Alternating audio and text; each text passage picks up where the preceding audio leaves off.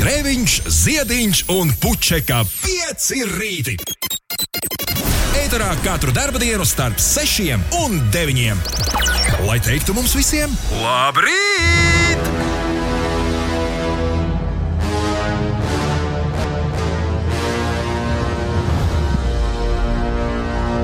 Jā, jā, jā, jā, jā, jā, jā, jā. Tā patiešām ir patiesība. Darba nedēļa numur 3. Nu, tāda pilnā 2020. 21. gadā ir ieradusies pie tavām durvīm. Trīs vai četri? Nē, esmu baigais rēķinātājs, bet Katrā ziņā pēdējā janvāra darba nedēļa. No 4. bija 1, no 11. 2, no 18. 3. un tagad ir ceturtā jau. Ceturtā. 4. Nu, ļoti labi, ļoti labi. Kopā daudz ir. Tā kā, tā kā pagaidām sveiciens visiem tiem, kuri joprojām pirmdienas rītā cēlušies ar domām, ka vēl jau tikai gads tā lēnām ieskrienas. Tas lēnām diezgan ātri pāraugs par ātrāk. Labrīt, no garāžas, no atkal dzīvojamajām istabām. Pie jums ciemos steidzas trīs attālinātie mājstrādnieki Grēviņš, Ziediņš un Puķekā. Un tagad būs pieci rīti līdz pat pulksten deviņiem. Galvenais - take it easy!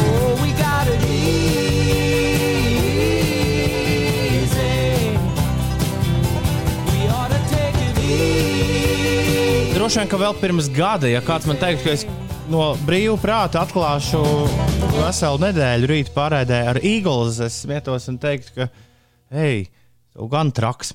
Bet uh, pērnā gada nogalē uh, beidzās uh, stāsts par vienu no leģendārākajiem mūzikas veikaliem. Vismaz 21. gadsimta pirmajās divās desmitgadēs. uh, Un šis mūzikas veikals, vecrīgas veikals upe, taisīja izpārdošanu.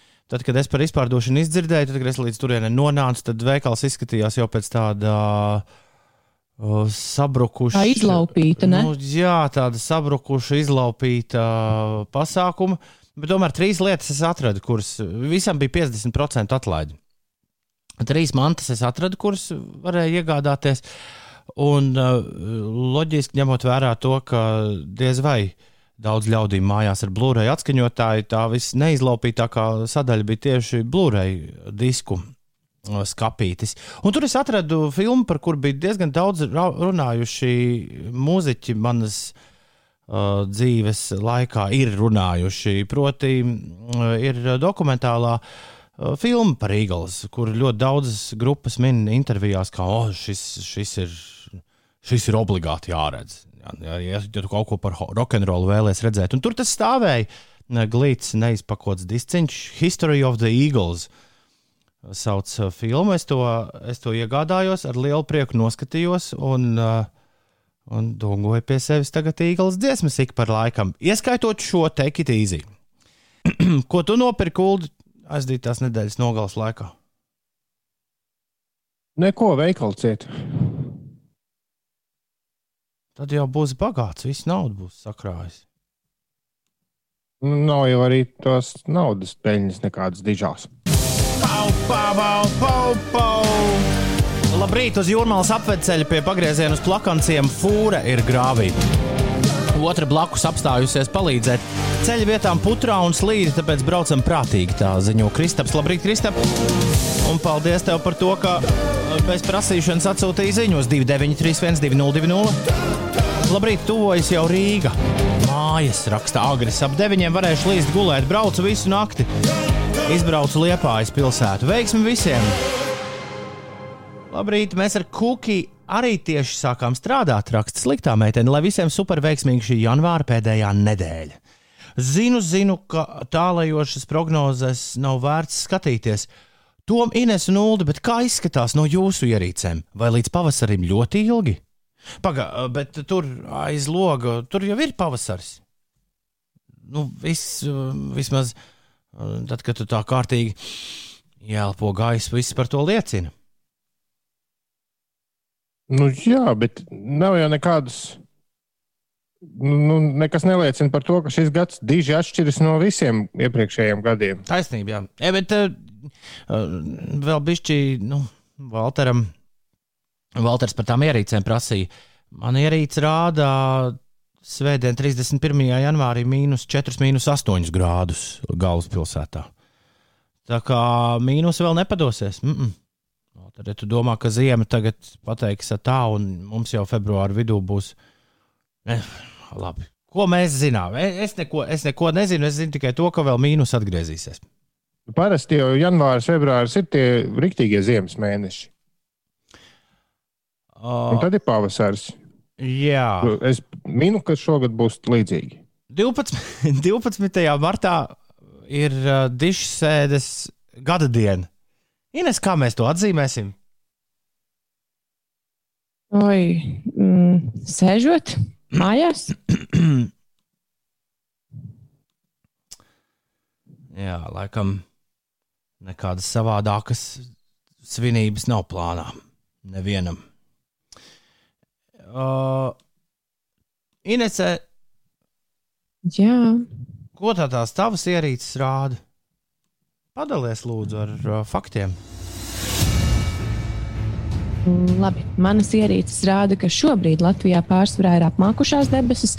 Daudz vietā ir arī dūma, un vietām mazliet līst vai arī sniega. Pēdējā diennaktī visvairāk sniedzis ir zemgalē. Tur sniega segas biezums palielinājies par 5 centimetriem, un kopumā valstī sniega atsevišķās vietās pat nav, bet biezākā sniega sega ir novērojama Latvijā. Tur ir 22 centimetri.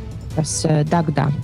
Autoceļi, protams, šorīt eh, var būt apladojuši un sniegoti. Pa dienu Latvijā debesis pārsvarā klās mākoņi, vietām gaidāms neliels lietus, sniegs un arī dūmaka. Dienvidu vēja ātrums brāzmās sasniegs 9,14 m2, bet vakarā pūtīs lēns vējš un gaisa temperatūra būs robežās no 0 līdz 4 grādiem. Autoceļi arī vakar pusē vietām būs apladojuši un slīdeni. Un Rīgā šodien nav gaidāmi būtiski nokrišņi. Dienvidu vējš brāzmās pastiprināsies līdz 13 metriem sekundē, un pēcpusdienā tas sāks rimt, bet uh, gaisa temperatūra galvaspilsētā būs plus 2 grādi.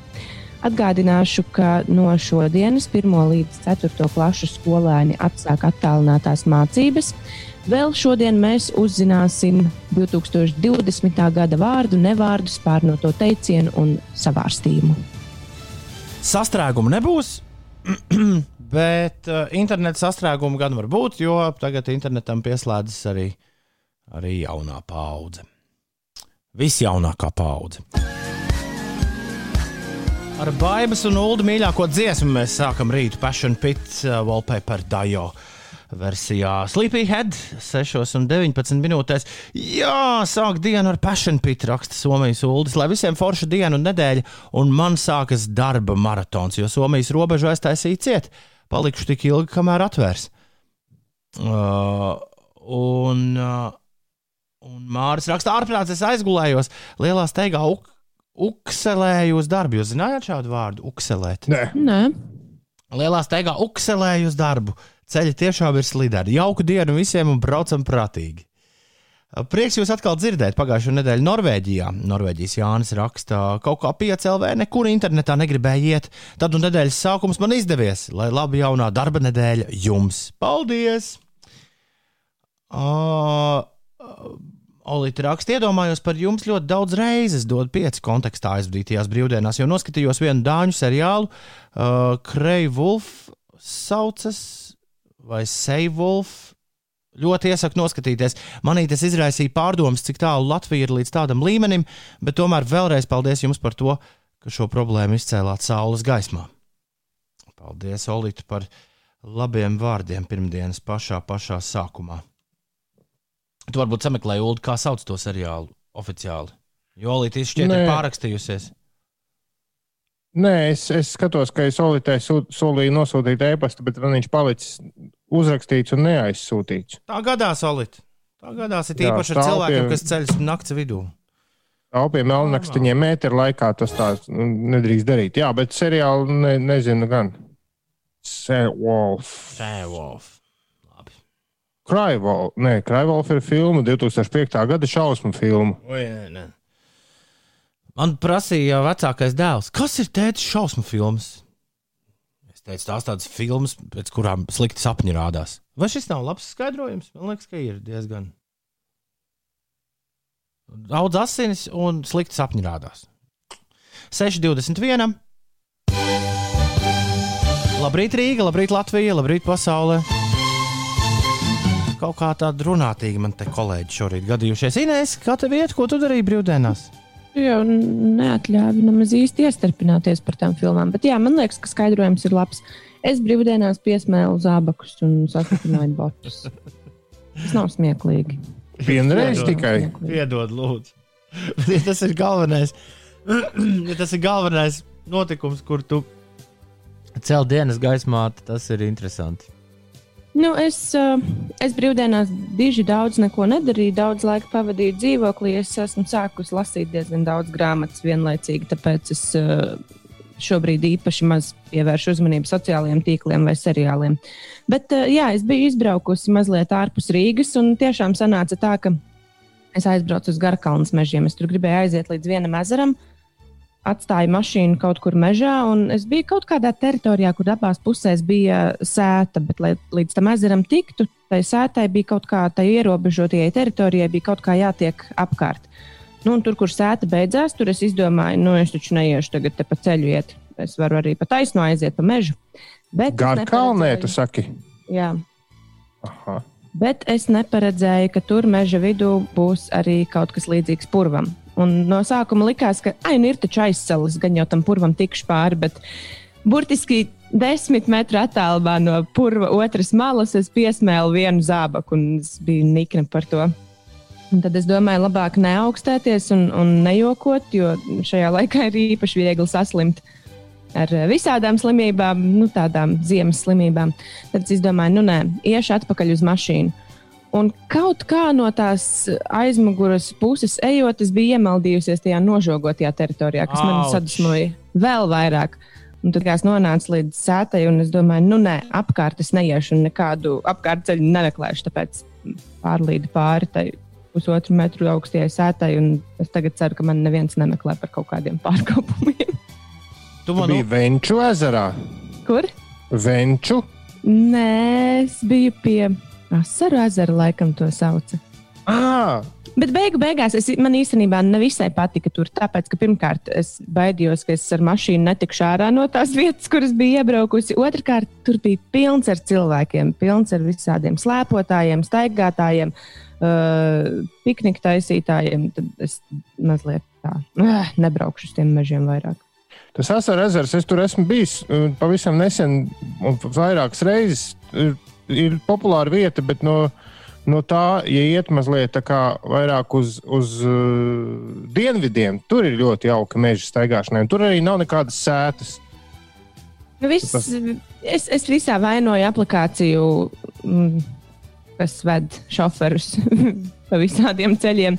Man liekas, ka tā aplikācija man ieveda dažos labos, nevisai pareizajos ceļos. Jo brīžiem bija tā, ka es skatos, wow, šeit neviens nav braucis, bet mani ved pa šo ceļu. Un tad man likās, tā, kam es zvanīšu, ja es palikšu kaut kur tur ar savu mazo mašīnīti. Bet beigās jau esmu mājās, viss ir kārtībā. Skaisti. Tu man, tu man aizvedi atmiņās uz pērnā gada martu. O, tad, kad es ķeldē biju nolēmis apskriet tādu pamatīgu lociņu ap Reinu. Es uh, šķiet, ja, mēs, mēs toreiz satikāmies nedēļu vēlāk. Visa pasaule bija uh, tieši ieslēgta uz pauzes, un man liekas, mēs to manu ceļojumu gandrīz vai nemaz uh, neaprunājām.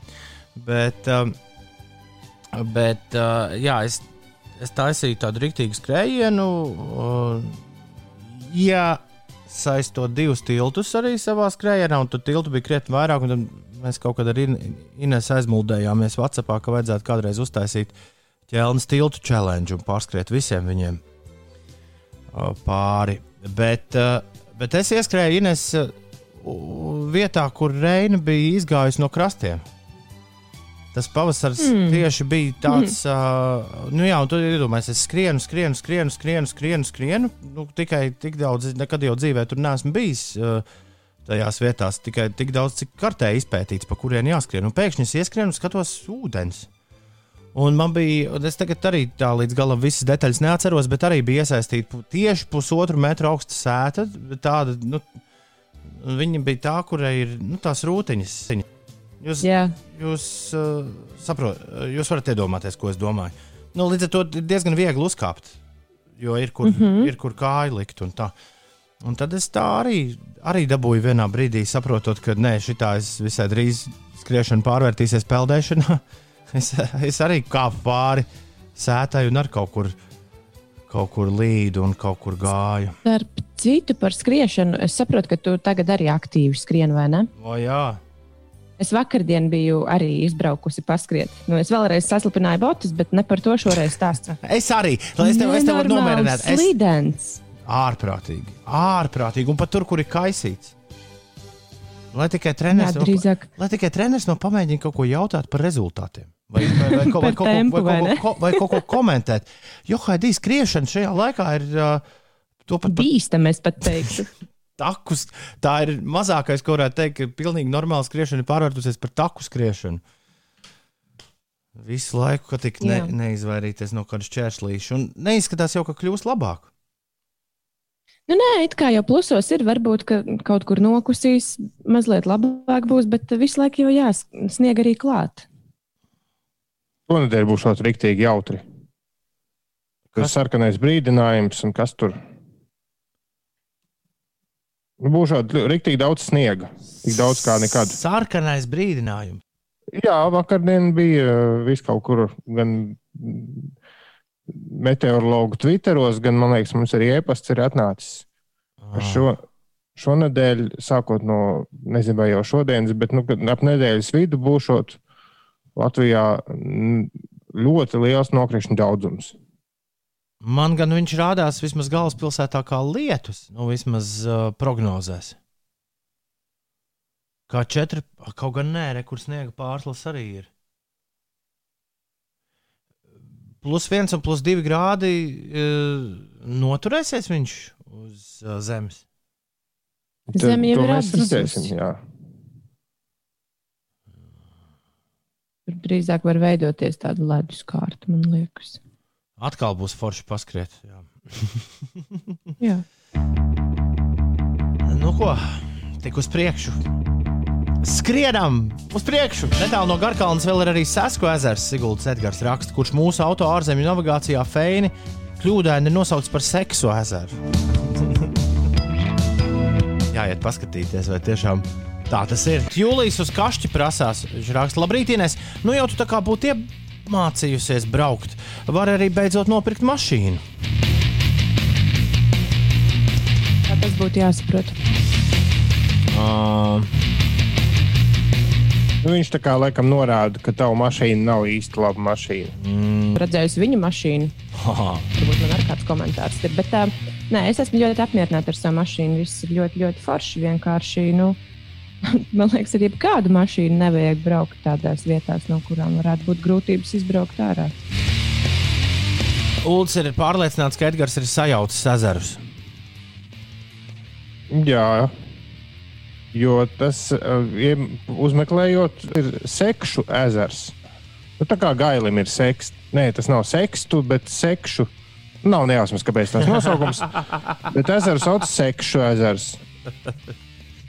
Kā ir, ja ir sekste, tad daudzskaitlī ir sekstests. Un būtu sekstu vai ne? Jā, Nu, tad tas ir kaut kas cits. Bet, nu, kad, vai nu mēs zinām, ka, kā tur senie Latviji ir to nosaukumu radījuši, bet e- ezeru sauc sekšu ezers. Un loģiski, ka ārzemju valodā runājošas navigācijas to ešs nevar parādīt. Un tad nu, sanāk arī seksu ezers. bet arī nosaukums sekšu. Ja, ne, ja, ja to neiedomājas kā ar, ar gāburtu, nu, kas nozīmē, ka sekšu vai ne? Tad ā, nu, tomēr liek aizdomāties par līdzību ar to starptautiski atzīto vārdiņu. Sekšu. Nu, redzot to uzrakstītu ar, ar mīkstinājumu zīmi, prātā nenāk kaut kas piedauzīgs. Ai. Bet, nu, Tas ir atkarīgs no prāta. Katras samaitātības pakāpes. Tieši tā, jā. Tā katra samērā gadījumā noteikti ir jāņem vērā. Man turpina pienākt Ziemassvētku dzimšanas dienas dāvanas, kuras es pats sev dāvinu. Kad tas beigsies? jaunākā Kad dāvana? tas beigsies? Milzīga kolekcija ar Frederico Felīni uh, filmām, kas izdota par godu režisoru simtgadēji, kas uh, tika svinēta pagājušajā gadā. Man, starp citu, bija jāapmeklē. Atcerieties, pirms sākās visas šīs ziepes, es grasījos pirmo reizi mūžā aizbraukt uz īstu kinofestivālu. Un Īstajā kinofestivālā es šo retrospekciju būtu skatījies uz uh, lielā ekrāna. Bet tā kā tas pērn nenotika, tāpat kā viss pārējais, kas nenotika, tad, uh, tad Felīnija kunga meistardarbi bija kvalitātē, tagad ir pie manis ieradušies. Un ļoti jauki es sāku savas Felīnijas studijas nedēļas nogalē ar vienu lielu dokumentālo filmu par viņu, un arī noskatījos viņu pašu pirmo uh, režisēto filmu. Un, un, un, un, un Itāļu kino ir tas, kas vismaz man vienmēr spēja jebkurā situācijā uzlabot garstāvokli, un tas ir feini. Droši vien, ka jāpaskaidro, uh, līdzīgi kā man pirmā asociācija bija, ka ieradušies ir kaut kāds ar vadiem. Nē, nē, runa ir par diskiem. Jā, runa ir par Blu-ray, Blu-ray diskiem. Tātad pie- pie tādas skaistas, skaistas kārbas, kurai Marčēlo Mastrojānī virsū. Skai, skaista kārba ar 17 diskiem, laikam. Brīnišķīgi. Brīnišķīgi. Bet eh, šo es izlēmu uh, pieminēt nevis tāpēc, lai, lai palielītos uh, par kārtējo mantiņu, mm, rotaļlietu, ko kungs saņēmis. Bet gan uh, jā, vēlējos ātri izstāstīt vienu citu lietu, ka mēs Magnus Platus pirkām. Pērkam mēs ar Magnus Platus no Anglijas, jo tad, ja tur sametas kopā un pērk daudz platus, tad var par ļoti labām cenām. Mm, Tieši kas par sūtīšanu, kas attiecas uz sūtīšanu, var ļoti labas cenas uh, sadabūt. Jo ir vienalga, cik daudz tu pērc, uh, svarīgākais ir, ka tu. Nu, jā, vienot sakot, tu vari pir- pirkt jebkādu Nu, skaidrs, jā. daudzumu, bet uh, tā nemainās sūtīšanas cena. Un tomēr no brīža, kad Anglija ir pametusi Eiropas Savienību, virkļu ir, diemžēl, tas stāsts padārdzinājies. Jo, ja mums izdevās līdz šim no tā konkrētā veikaliņa vienu plati, apmēram tad, kad mēs tā daudz sapirkām kopā, vienu plati pa eiro dabūt ārā, nu tā, ka tad, tad uh, pieliekot cenai klāt eiro sanāk uh, par sūtīšanu. Tad tagad, diemžēl, tā cena ir uzkāpusi līdz eiro 60. Un tās lielākā ziepa ir tā, ka viņi rēķina uh, tā mūsu PVN uzreiz virsū arī apdrošināšanai, jo viņi to paku apdrošina un arī dzēna sūtīšanas izmaksām. Man tur sanāk tā, ka tev čekā uh, smuki sanāk visas vienības, tev ir cenas dotas pašām platēm arī bez PVN, tad tev klāt tur pienāk uh, shipping costs, pienāk insurance, un tikai tad tiek aprēķināts tavs PVN, kas Latvijā ir 21%. Un, un viss. Un šitā te. Nu, jā, es vienu dienu skatījos zvanu izmaksas uz Angliju un atpakaļ, un uh, arī izziņu cenas. Par to arī jāpaturprātā, ka nav vairs tā, ka var zvanīt nu, tā kā uz uh, kaimiņu pagastu. Kaut kas ir dikti dārgi. Nu, nē, kaut kāda tur bija laikam izējoša. Es nezinu, nu, kaut kas uh, ap 50 centiem bija izējošais zvans minūtē. Un... Tu skaties, 10 minūtes, 5 eiro. Jā, tie, kas bija sadomā, tie, kas bija pieraduši, droši vien čatot ar Angliju. Bet Ja viņiem jau to darīs turpmāk, Whatsappā vai nu, tieši tā. Tieši tā. Tieši tā. Man- Es gan vēl ne- neesmu neko šogad saņēmis no Anglijas. Man bišķi tas arī interesē. Jo, jo ja es būtu, zinot savu pieredzi ar muitu, man liekas, ka, ja es būtu muita, es riktīgi juktu prātā. Jo tas, ko mēģina darīt visi apvienotās karalistes tirgotāji šobrīd, uh, no mana uh, skatu punkta, viņi tātad uh, dara to, ko Švamazons iesāka jau no Amerikas darīt, man liekas, pirms pāris gadiem. Proti, viņi liek uzreiz tev tavu nodokli klāt, lai nav nekāda, lai, lai pircējiem nav nekāda ziepa muitā. Nu, lai tur mm -hmm. nav jāatmuito UTT, UTP. Jo, jo teorētiski viņi varētu pārdot tās mantas bez, bez PVN, vienkārši par tādu cenu, kāda viņi ir, bez nekādiem nodokļiem. Tad tu te muitot to paku vaļā un tur maksātu naudas un, un vēl visu kaut ko. Bet to viņi nedara. No tā viņi grib izvairīties. Līdz ar to viņi te uzreiz ietur tavu nodokli visu pērkot. Bet, nu, vai uh, visām šīm izmaiņām stājoties spēkā, muita nejūka prātā, to es vēl nezinu. Jebkurā gadījumā tā viena paciņa, kur janvāra sākumā izbrauca no apvienotās karalistes pie manis, tā vēl nav ieradusies. Tā kā es nezinu. Nē, esmu pētījis, kur viņi ir aizķērusies. To varbūt dienas laikā arī izdarīšu. Ir bez 27. Labrīt! Ines, kas notiek? meklēju visādas eh, ziņas par sportu, bet izskatās, ka mūsu basketbolisti vismaz vakardien nav devušies laukumā. Vašingtonas Wizards spēle gan bija, bet Dārzs Bartāns sastāvā nebija šajā eh, spēlē. Toties ir bijušas spēles Nacionālajā hokeja līgā. Tur Pitsburgas pingvīns ar Latviju Teodoru Blugeru sastāvā svinēja uzvaru pār New Yorkas Rangers vienību ar rezultātu 3-2. Bļūgers gan šoreiz ar rezultatīvitātes punktiem neizcēlās, un aizvadītajās brīvdienās arī mūsu vārdsargs Elvis Meržļīkins ir sagaidījis šīs jaunās sezonas pirmo uzvaru. Meržļīkina pārstāvētā Kolumbusas Blue Jackets savā laukumā ar rezultātu 5-2 pārspēja iepriekšējās sezonas Stanley Kausa ieguvēju Tampa Bay Lightning vienību. Un eh, par autoceļiem šobrīd valstī Izskatās, ka situācija ir diezgan, diezgan slīdena. Praktiski visā valsts teritorijā šobrīd ir jārēķinās jā, ar apledojumu uz ceļiem, it īpaši kurzemes pusē, eh, centrālajā valsts daļā. Nu, mazliet labāka situācija ir Latvijā, vismaz uz uh, valsts nozīmes ceļiem. Reģionālie gan visā valstī ir apledojuši un slīd pa tiem. Aicis vēlas zināt, kā mums UFC cīņa patika. Es tikai Instagram stāstā šitam nelabajam no šova redzēju kaut ko par UFC cīņu. Es neesmu liels kaušanās fans. Varbūt Ines un Ulus sekoja līdzi UFC. Kas tur bija? Es zinu, ka bija jāceļas piecos no rīta, laikam, bet es to nedarīju.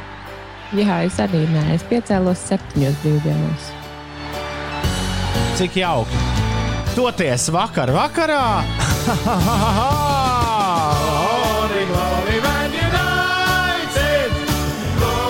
Bija atkārtojums Liverpools un Manchester United spēlē.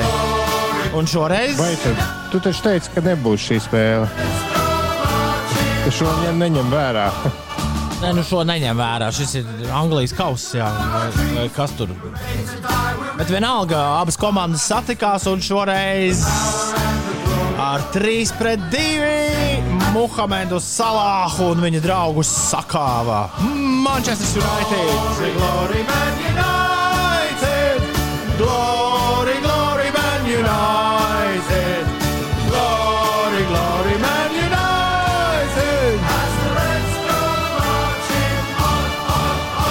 Ļoti labs tāds uh, revanšs pēc tās spēles, kur beidzās ar 0-0, 3-2. Tas jau, tas jau uh, elpu aizraujošs futbols, tāpat jāsaka.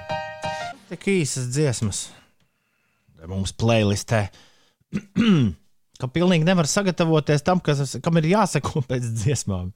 Ir uh, 6,48 minūtes, un tagad būs laika mašīnā.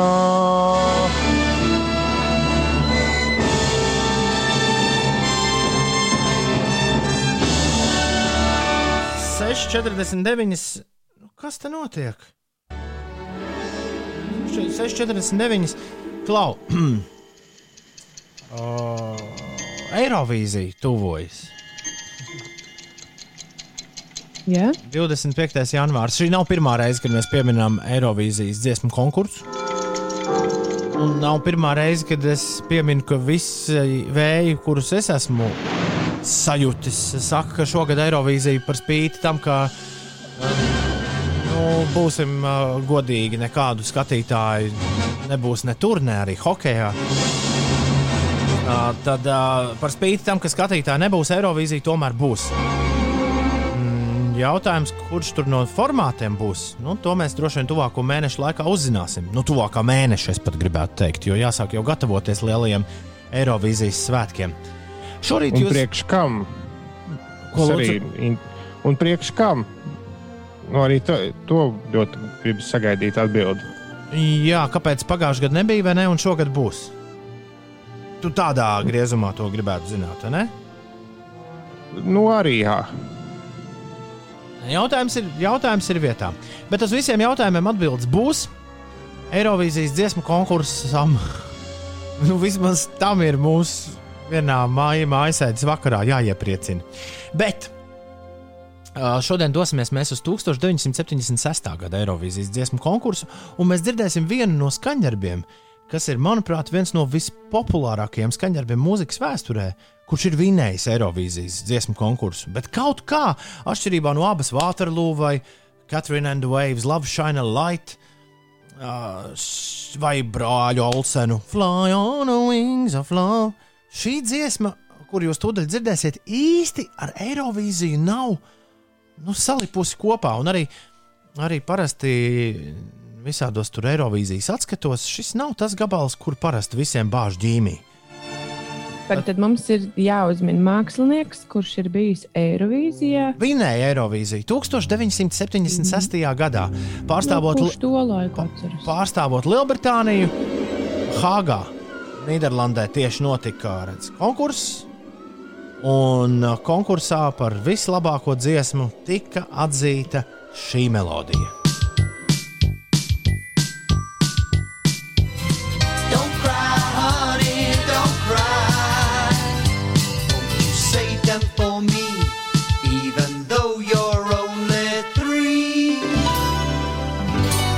Save your kisses for me. Ines taču bija dzirdējusi šo dziesmu. Mm, Dziesmu, jā. Bet uh, es ticu, ka šim nosaukumam naktas vidū var pateikt tikai un vienīgi diskžokēji. Bet, uh, bet pamēģināsim, paskatīsimies, kā mums ies. Ines, kā tev šķiet, kas šo dziedāja? Man tiešām pat nav variantu. Katrā ziņā kāds uh, punkts. Vīrietis. Vīrietis katrā ziņā dziedāja. Uldo? Man visu laiku uz mēles bija Kīts Ričards, bet tas, ir, tas nav Klifs Ričards. Klifs Ričards. Ļoti labs, ļoti labs minējums, tiesa, nu, galīgi garām. Tad, tad vispār nav nekādu citu variantu. Neviens pat nav, neviens pat nav arī atsūtījis īziņu, vai arī īziņa mašīna ir apstājusies. Bet uh, iespējams, ka uzdevums ir pārāk grūts šajā rītā laika mašīnā. Šis varētu būt, ka bija grūts. Pareizā atbilde ir patiesībā tāda kārtīga abas kopija angļiem. Bija sanākusi, jo jūs zināt, nu, Eirovīzijas dziesmu konkursā tur taču tā notiek. Tev ir uh, vienu gadu uzvar viens, un tad uh, uzreiz nākamajā gadā ir kaut kas, kas ir ļoti, ļoti līdzīgs tam, uh, nu, kas ir tas iepriekšējais. Septiņ, 74. gadā Eirovīzijā uzvarēja abi ar uh, Waterloo, un tad divus gadus vēlāk Angļi uztaisīja savu abu, un to sauca Brotherhood of Man. Brotherhood of mm. Man. Mēs Pirmo dzirdējām, reizi dzirdu. Save Your Kisses for Me. 76. gada Eirovīzijas dziesmu konkursu uzvarētāji. Viņiem, starp citu, pamatīgi kaušanās punktos bija ar Katrīnu Feriju, kura gandrīz uzvarēja. Viņa man liekas, es jums tūlīt pateikšu, uh, Brotherhood of Man bija politique 164 punkti. Un šī Katrīna Ferija ar On the Trois palika otrā ar 147 punktiem. Tolaik 18 valsts piedalījās un dalīja punktus pēc tās vecās sistēmas. et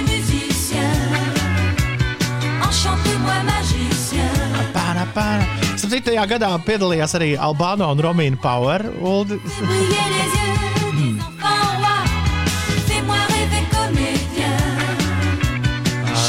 Jā, Lu Luksemburgu pārstāvēja Jurgens Markus.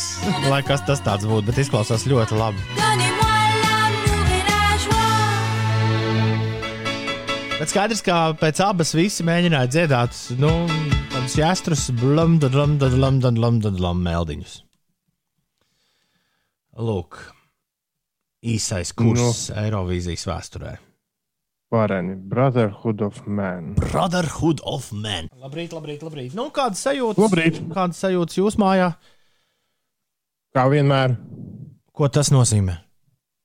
Kā pirmdienā var būt tā kā vienmēr? Pirmdien taču Nu. automātiski mm, paģēra, ka kaut kas savādāk ir. Nu, nezinu. Man liekas, ka pirmdiena vēl ir tāda diezgan ciešama no rīta, jo tu esi tikko kā izbaudījis brīvdienas, bet visstrakākā ir otrdiena. Vai trešdiena? Vai ceturtdiena? Nē, ceturtdiena jau ir gandrīz piekdiena. Jā, jā piekdiena. Piekdiena finiša sports. Tur jau vairs ne, kas tad tur. Žim. Jā, šeit piecēlē, piec rītī, joprojām ēterā, lai arī kas notiktu, mēs esam šeit katru darbu dienu starp pulksten sešiem un deviņiem. Un liels paldies, ja esi kopā ar mums. Ir forši būt kompānijā. Nevis vieniem pašiem te tarkšķēt savā starpā. 2021. gads, 25. janvāris, pirmdiena. Labrīt, visapkārt! Zigurdam, Sigurdam un Sigvardam šodien vārdu svētki. Sveiciens Zigurdam, sveiciens Sigurdam, sveiciens Sigvardam. Rasai Bugavičutai pēcei. Daudz laimes dzimšanas dienā! Rakstniecei, dramaturģei, dzēniecei. Daudz laimes rasa. Vieglajam princim, Jānim Strapcānam šodien dzimšanas diena. Daudz laimes, Jāni! Liepājas teātris aktieris Mārtiņš Kalitas viņa dzimšanas diena. Opera dziedātāja Marina Tropina. Viņa tā ir jāizrunā. Droši vien, ka nē. Man- man nā- Tropina, nezinu. Un Kalita ir par uh, Kalita. Ko lūdzu? Kalita. Mārtiņš ir Kalita un Marina ir uh, Tropina. Es, Tropina. un Esa Tikanens ir Esa Tikanens, viņš ir somu hokejists. Amerikāņu hokej, hokejists Kris Čelijos arī ir Kris Čelijos un Ališa Kīsa. Uh, varbūt arī Ališa Kīs. Vienkārši. Nu, Jā, ļoti jauki ir uzrakstīts. Ališa Kīsa. Ališa Kīsa, amerikāņu dziedātāja. New York! Concrete jungle! Svin dzimšanas diena. Daudz laimes viņiem. Ivo grib dzirdēt, jā, jā, ding dong. Es drīkstu nes uzlikt, jā, jā, ding dong. Jā, uzliet! Jej! Lai skan, jā, jā, ding dong! Yeah, yeah,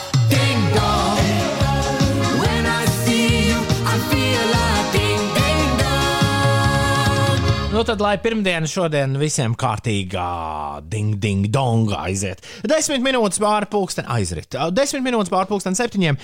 Labrīt, šeit piecēlē un Loreta Reide ar Saurģēju. Šis ir tikai sākums, sākums. Jaunākais singls no Royal Blood. Šie vīri albumu tā kā gatavina mums visiem. Šo sauc Typhoons. Un, jā, tā ir tā dziesma, kur mēs nu pat dzirdējām pie CLV ēterā. Ir 17 minūtes pāri pulksteni septiņiem. Labrīt, Uldim ir jautājums, vai attālinātajās mācībās skolotāji ir skolā vai arī sēž mājās? Jā, es, es, vienkārši biju iedomājies, ka skolotājs nu, skolā ir uzlikta kamera un stāv pie tāfeles vai nu, ekrāna vai kāda tur. Mēs, Bet laikam jau ka tā nav. Mēs ziņās dzirdējām mm, par to, ka pukojas ļaudis, kur ir atbildīgi par, um, par, uh, par izglītību, pukojas par to, ka 23% ārpus ārpusošajiem uh, jaunajiem cilvēkiem nav pieejami datori. Līdz ar to šī attālinātā mācīšanās ir uh, sākusies piekdaļā. Mm, Vienai piekdaļai ārpus pilsētas dzīvojošiem ir sākusies diezgan nu, stulbi. Un, uh, un, un tad gāja runa par to, ka, uh, kur tad televīzija palikusi. Bet, starp citu, kur palika televīzija? Atcerieties, uh, pavasarī taču bija. Bija, bija tava klase, jā. Es sapratu, ka šis projekts turpināsies, bet tur vēl. Tehniski, laikam, tur vēl nav viss pabeigts, lai, lai varētu atsākt. Šis būtu bijis lielisks mirklis, tur tā būtu. Bet, Ulu, droši vien, Bet aizvadītajā nedēļas nogalē bija par tavu klasi, bija ziņas, vai ne, pagājušajā nedēļā, kas atsākusies ar filmēšanu. Jā, viņi līdz pavasarim plāno izveidot jaunas mācību video. Jā, re, kur ir ceturtdiena, atsāka filmēšanu. 21. janvārī. Bet atbild uz tavu jautājumu, Ulu, droši vien ir pavisam vienkārši. Ir uh, jautājums, kāds tev ir interneta pieslēgums mājās? Ja, tu, ja tev mājās viss ir kārtībā, ja tev ir stabila, uh, stabils tīkls un viss var būt kārtībā, sēdi mājās. Ar ko tad skolotāji atšķiras no citiem cilvēkiem? Visiem iespēju robežās taču tiek lūgts nebūt darba vietā. Taisnība, jā.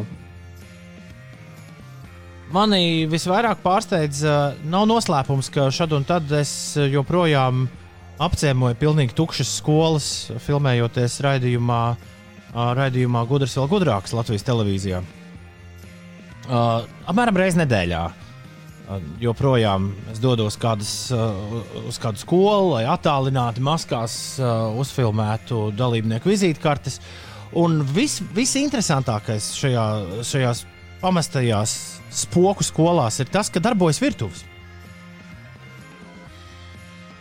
Hmm. Bet Un tās virtuves mājām, gadījumā jā, Jā, jā, jā, nenodrošina kaut jā, kādu. jā. Nu, jā. Jā, viņas gatavo, gatavo tiem uh, bērniem, kuriem ir nepieciešams brīvpusdienas.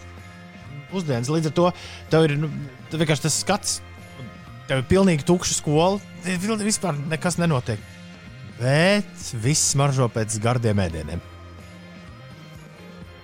Tā tas šobrīd ir. Ir 20 minūtes pārpusdienas, 7 no rīta. Sveiciens visiem 1-4 klašu skolēnu vecākiem. Šis rīts, šis rīts ieies vēsturē, par to šaubu nav. Bet vismaz, vismaz brīvdienas ir galā, nu, brīvlaiks ir cauri. 20 minūtes pār 7 minūtes, kas notiek. Sāk, es turpināšu par tām mācībām. Jā, šodien atsākuma skolā, bet vismaz līdz 7. februārim tas notiks attālināti.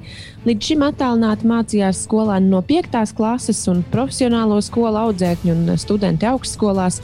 Sākotnēji bija iecerēts, ka jaunāko klašu skolēni var, mācībās varētu atverēt atienē.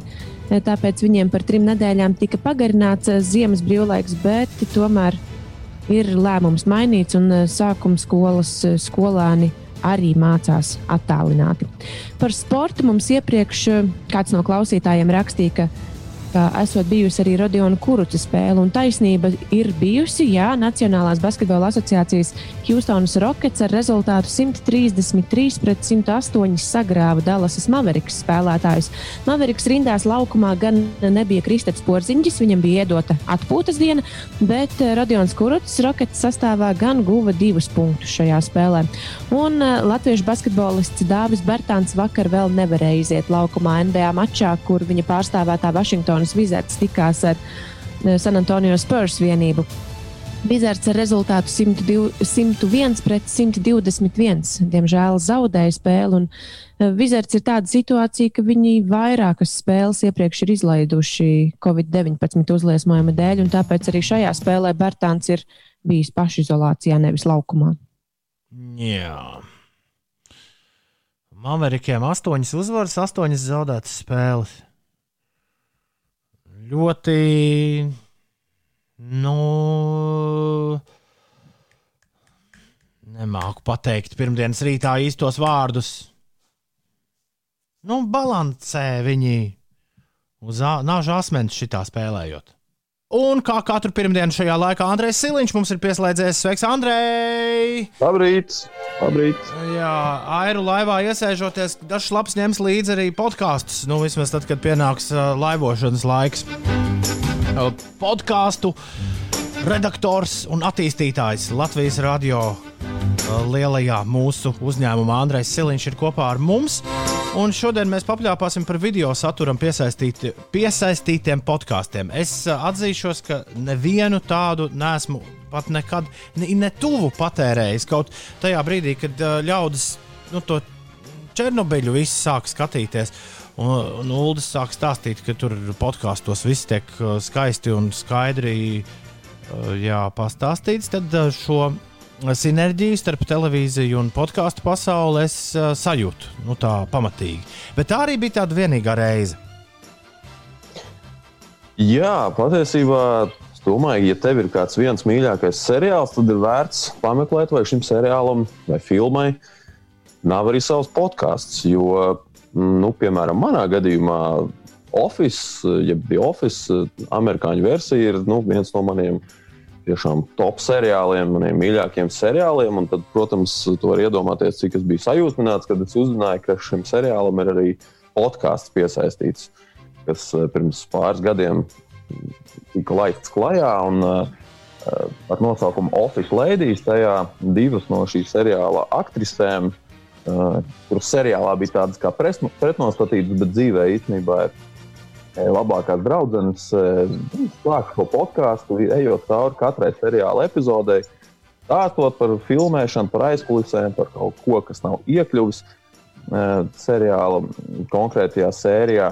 Un tad, protams, viņas aicina klāt arī, arī laiku pa laikam savus eh, kolēģus, gan aktierus, gan producentus, režisorus, kas bija iesaistīti šī seriāla veidošanā. Nu, un, eh, nu pat pagājušo nedēļu iHeartRadio uh, podkāstu balvā tieši šis podkāsts, Office Ladies, saņēma uh, galveno balvu, kļuva par labāko aizdītā gada podkāstu. Kas vēl šajās balvās figurēja? Nu, šajās balvās figurēja patiesībā mm, arī Ulim iecienīts, uh, iecienīts personāžs. Ulu, varbūt tu vari pastāstīt. Jā, mēs tā ejam cauri stāstam par, par balvām ar, ar ieteikumiem. Jā, viens no maniem mīļākajiem podkāstiem, un e, šis gan nav gadījums, kad podkāsts ir tieši saistīts ar, e, ar televīzijas raidījumu. Tas ir e, Conan O'Brien podkāsts, Conan O'Brien Needs a Friend. Un tas savukārt ir gadījums, kad, kad podkāsts ir jau televīzijas kā, turpinājums uz kaut ko vairāk. Jo podkāst, šajā podkāstā ļoti garām ejot, tiek pieminēts tas, kas notiek televīzijas šovā.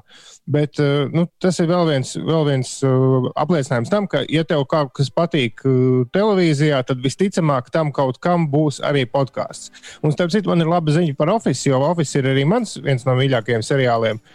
Un, uh, es tikko burtiski šorīt atradu, ka ir pagājušajā gadā uh, ekskluzīvi Spotify ir iznācis uh, vēl viens uh, limited sērijas podkāsts, 12 epizodes, kur uh, Kevins no Office stāsta uh, an oral history of the Office. O?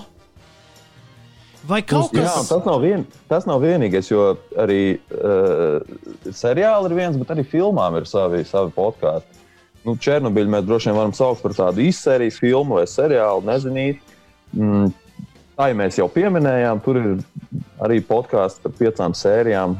Jā, nu Černobiļa ir, man, man šķiet, ka Černobiļa ir tas gadījums, kad podkāsts ir nevis uh, ieteicams, bet obligāts klausāmais pēc, kā, pēc ar uzsvaru pēc katras sērijas. Jā, viņi arī pēc katras dienas, pēc katras sērijas, uh, seriāls, ja beigas filmas sērijas laida klajā tieši nākamo podkāstu epizodi, atskatoties uz to, kas ir, kas ir bijis šajā sērijā.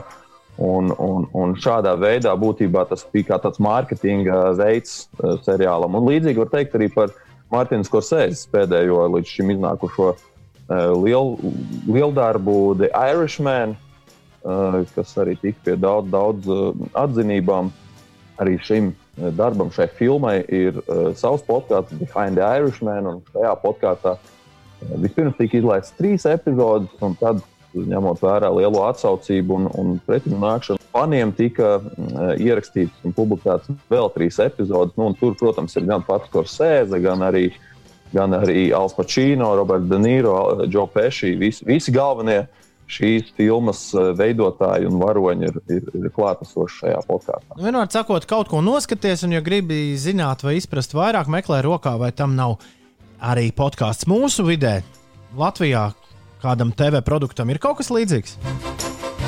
Šķiet, nav šobrīd nekā līdzīga. Noteikti ir lauks.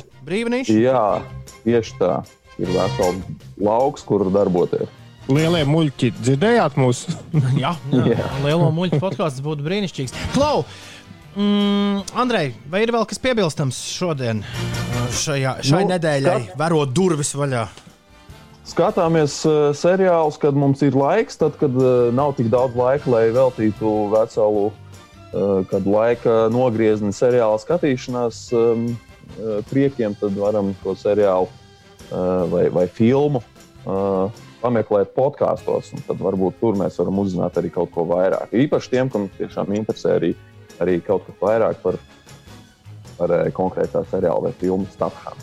Rekur, es, piemēram, nu pat iedomājos, būtu forši paklausīties Simpsonu podkāstu. Veseli deviņi! Deviņi podkāsti, kas ir veltīti tikai un vienīgi Simpsoniem, piemēram, ir atrodami podkāstu pasaulē. Forši, laba ideja. Paldies, Andrej, lai forša nedēļa, un tiekamies atkal pēc nedēļas. Jā, loģiski. Jums arī. Dua Lipa un The Baby Levitating.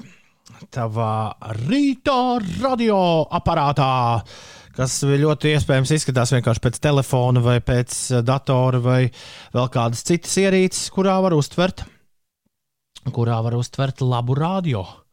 Šis radio ir Latvijas radio 5, 5 LV, un jau gandrīz stundu mums ir apstājusies īziņu mašīna. Droši vien citās pārraidēs ļaudis tēlot, ka nekas nav noticis, bet mēs neesam noteikti tā pārraide.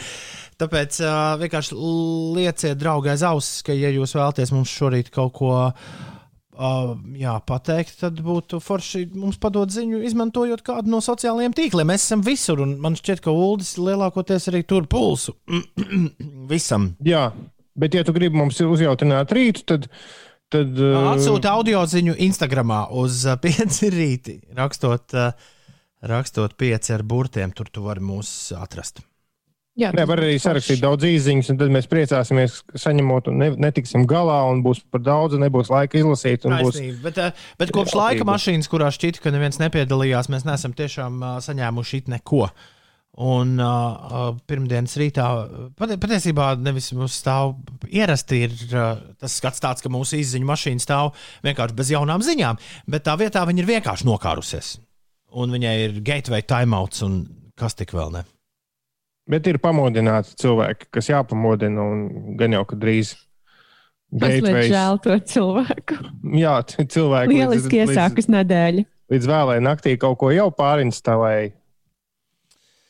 Nu, redz, uh, Tā, re, kur es, ka- es kaut kādu īziņu saņēmu, bet privāti. instalēšanas, bet privāti jūs droši varat. Ja jums ir, ja jums ir mūsu numuri, droši Arnis raksta, viņam Nu. ir divi skolēni, kundze skolotāja, viņš pats strādā attālināti. Kuram normālam cilvēkam mājās ir četri datori? Jā. Un iepriekšējā ziņa, ko viņš ir rakstījis 5. janvārī, bija, ko mēs arī nenolasījām ēterā. Kad, Bet viņš tev eh, privāti raksta? Jā, jā, jā. jā Ah, kad, brīnišķīgi. kad viena degvielas iegūs un uzpildes kompānija ar savu naftas urpšanu sagrozījis golfa straumi. Tādēļ mēs uzsilstam. Uh, Un šis ir, zini, kāpēc šis, es šo lasu? Šis ir fun facts, tas ir geogrāfijas sakarā. Ines, eh, Nu? kā golfa straumi sauc angliski? Tā arī, man liekas, ir gulf, ne? Golf Ar stream. U. Ar U. Golf, Jā. golf stream. Tā tad līča straume. Un kurā brīdī mēs Latvijas to no, nodēvējām par golfa straumu? Un kāpēc? Šis ir pirmais jautājums, kuru mēs uzprasīsim Tomam Brīsim nākamreiz, kad mēs viņu intervēsim. Reizi gadā jau apmēram tas notiek. ir, Viņš gan jau klausās šo pārraidi un izdomās vispār neatbildēt uz aicinājumu. nē, nē, klausies, Tom, ja tu šo dzirdi, tad, uh, lai apietu atkal nu, visu to ierasto. Ei, Tom, vai tu nevēlies ar mums parunāties? Intervijā? Varbūt ierakst mums audio ziņu Instagramā, atpieci rīti. Kāpēc līča traumu mēs sākām saukt par golfa traumu? Šis būtu ļoti jauks, izklaidējošs audio, ko mums visiem paklausīties. Kaut vai Bet šorīt. Atceries, atceries, ka Toms stāstīja, ka viņam bieži vien cilvēki sociālajos tīklos sūta, piemēram, visādas bildes un prasa izskaidrot kaut kādas dabas parādības. Viņš tagad klausās, domā, vēl šitie. Atkal, atkal. Jā. Viņi taču apso, kopš tās reizes viņi taču apsolīja, vairs nekad man nepieminēt. Likt Bet- mani mierā. Bet tā, ir- tā ir meteorologa misija. Tu esi devis to meteorologu zvērestu, un tev jāpalīdz cilvēkiem saprast laika Nē, nu šeit es apstākļus. vairāk pie drīzāk nevis meteorologa, bet pie geogrāfa Toma Brīča vēršos. 7,41 ir pareizais laiks. Labrīt! Kas notiek, Ines? No šodienas stājas spēkā valdības pieņemtie stingrākie noteikumi eh, visiem ieceļotājiem. Tie paredz, ka pirms ieceļošanas Latvijā ir jāuzrāda negatīvs COVID-19 tests, bet tāds, kas ir veikts pēc starptautiski atzītas precīzākas metodas. Tādējādi vairs nevarēs uzrādīt ekspresa testu vai lidostā veiktas eh, pārbaudas. Savukārt personām, kas nesen izslimojušas COVID-19, ir jāuzrāda ārsta izziņa, ka persona nav infekcioza un papildus drošības pasākumu mērķis, protams, ir pasargāt no vīrusu infekcijas ieviešanas un mudināt iedzīvotājus eh, tiešām pārvietoties tikai būtisku iemeslu gadījumā, ģimenes apstākļu vai darba dēļ. Šajā rītā visos Latvijas reģionos sniegs un apladojums vietām apgrūtina braukšanu pa valsts galvenajiem un arī reģionāliem autoceļiem. Reģionālie autoceļi ir sniegoti, apladojuši visā valsts teritorijā, izņemot Cēzu, Gulbenes, Ludzas un Rēzeknes apkārtnē. Tur varētu situācija būt mazliet labāka uz autoceļiem. Un par laikapstākļiem šajā dienā Latvijā debesis pārsvarā klās mākoņi, vietām gaidāms neliels lietus, sniegs un arī dūmaka. Dienvidu vēja ātrums brāzmās sasniegs 9,14 m2, bet vakarā pūtīs lēns vējš un gaisa temperatūra būs robežās no 0 līdz plus 4 grādiem. Arī dienas laikā autoceļi būs slideni. Ir Tā. s- 7,43 jaudi. Jā, es esmu saņēmis vēl vienu īziņu no kolēģa mūziķa, trompetista. Viņš saka, lai palūgt, eh, ko valsts valodā nozīmē gateway timeout. Es iztulko- Gateway timeout. Nu, Es iztulkoju, un daudz labāk no tā nepalika. Jo Google saka, ka tas ir vārtējs timeouts. vārte, Atpūta. vārtējs timeouts. Lieliski. Jā. Vārtējas atpūti. Nevis kārtējs, bet vārtējs. Vārtējs. Lieliski. Tagad būs geogrāfija. Nevis vārtējs, bet geogrāfijas spēle. Ineses geogrāfijas spēle. Jā, es eh, mazliet iedvesmojos arī no Toma testa pagājušajā nedēļā. Tāpēc pirmais jautājums manā geogrāfijas spēlē ir par Grūzijas jeb Sakartvelo karogu. Kādās krāsās tas ir? Nu, vēls. Nu. Tiešām šitā bija jāsāk, ja nedēļa. Jā, tieši tā es nodomāju pagājušo piekdienu Tom. Otrs jautājums. Kura ir Eiropas lielākā pussala pēc platības? Eiropas, jā, atcerieties, Eiropas pussala pēc platības. Kur ir lielākais? Ceru, ka jūs saprotat, kas ir pussala. Nu, manā prātā visa Eiropa ir viena liela sala. Vai tā ne? Nu, jā, nu kā uz to skatās. Bet, uh, labi, nu, gan jau, ka tiksiet galā. Tā kā Uldis vakardien atsūtīja rakstu par kāpienu K2, tad droši vien jūs abi divi šo rakstu izlasījāt un Nē. noteikti zinat, uz kuru valstu robežas atrodas pasaules otra augstākā virsotne, jeb K2. Es tiešām nelasīju. Es aizsūtīju tev. Un... Es domāju, ka arī viņi izlasīja. Tā, pirms pēdējais jautājums. Kā sauc sarkanās jūras šaurumu, kas savieno jūru ar Adenes līci un kas atdala Arābijas pussalu no Āfrikas? Tā tāds- sarkana. Pavisam Sarkanās- neliels tāds šaurums, tādi kā vārtiņi jā. starp Arābijas pussalu un Āfriku. Ļoti skaists nosaukums. Man iepatikās, tāpēc es izdomāju to iekļaut geogrāfijas spēlē. Brīnišķīgi. Un pēdējais tāds mazliet tāķīgais jautājums. Nosauciet pasaules lielāko ezeru. Gan pēc tilpuma, gan pēc platības. Tas ir pasaulē lielākais. Kaut kas uz šo pusi mums ir bijis, bet Ā, Es vienmēr domāju par to, ka Ulas noteikti pateiks, ka kaut kas mums ir. Jā, bijis bet vai tas nozīmē, ka es atceros? Nu, Nē, es ceru, ka tu atbildēsi pareizi. Kontinentu. Ceru, ka atbildēsiet, ceru, ka atbildēsiet pareizi. Nu, mēs arī ceram, jā, ka kaut vai pie viena punkta šorīt uh, spēlē tiksim. O, Skaidrs, mums ir nedaudz laika apdomāties, un uh, mēs būsim apakaļ ar atbildēm uzreiz pēc astronauta. Pilsēta tumst un es arī. Diezgan tumša vēl pilsēta, tiesa. Astronauts un es padodos tavā rītradio. Ir 7,49. Ineses geogrāfijas spēle. Laiks Tik žēl, ka es nepagūlu jūsu domīgās sejas nofotografēt. To būtu vērts redzēt arī citiem, kā jūs abi saķēruši galvas. Sēdējām vismaz toms. Labi. Tad esat gatavi, ja? Esam Nē. gatavi. Ko nē, Ulu? Laiks beidzies. Tieši, Viss. tieši tā. Nu ko? Krāsās sāk, Ulu sāk. Ir Grūzijas karoks, Uldi? Sarkans, balts. Tom? Es vadījos pēc tā, ka tā kā es nezinu, tad uh, sarkans un balts varētu būt uh, krāsas. Tā kā mūsu karoga arī ir sarkans un balts, tad lai, lai notiek. Es piekrītu Uldam. Arī izvēlējies, ja tāda paša atbilde. Nu, taisnība jums ir.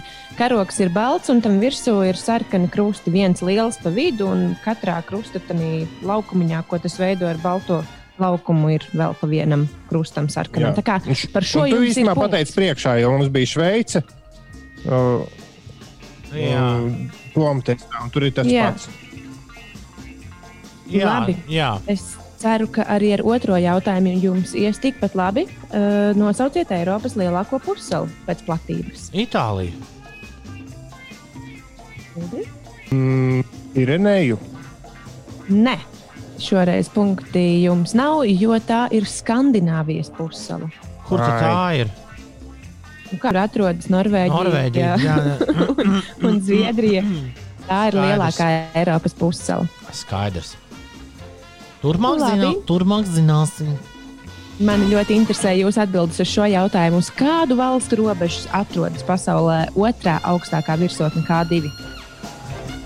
Uh, nu, lai iet Nepālu un Indiju. Ķīna un Mongolija. Uh, Tom no ar Ķīnu tu trāpīji pareizi, bet Mongolija aizšāva ļoti, ļoti garām. Ķīna un Pakistāna. Ah, es, gribē, es gribēju teikt, ir maksājums. Nopietni, bet man liekas, ka es kaut kādā muļķības sarunāšu.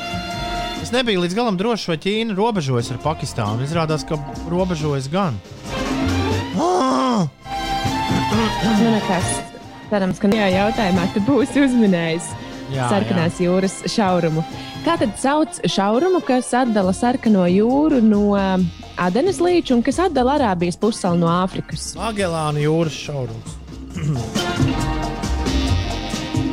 Pagēlāna. Ma Magelāna. Magelāns, tas jū, jūras braucējs, Magelāns. Jā.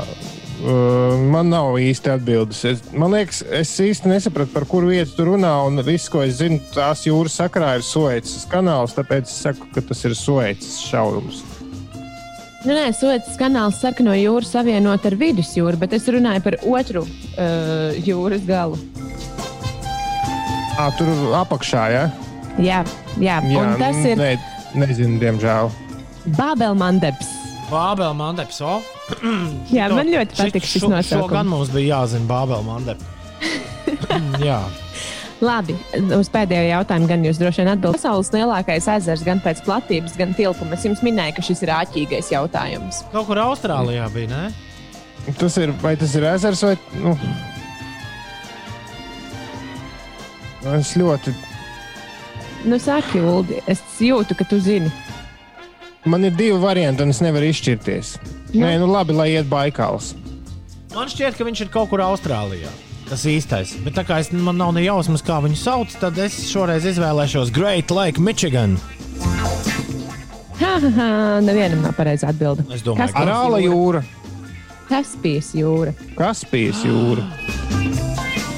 Natu, aber, Tā na, ir- aber natürlich.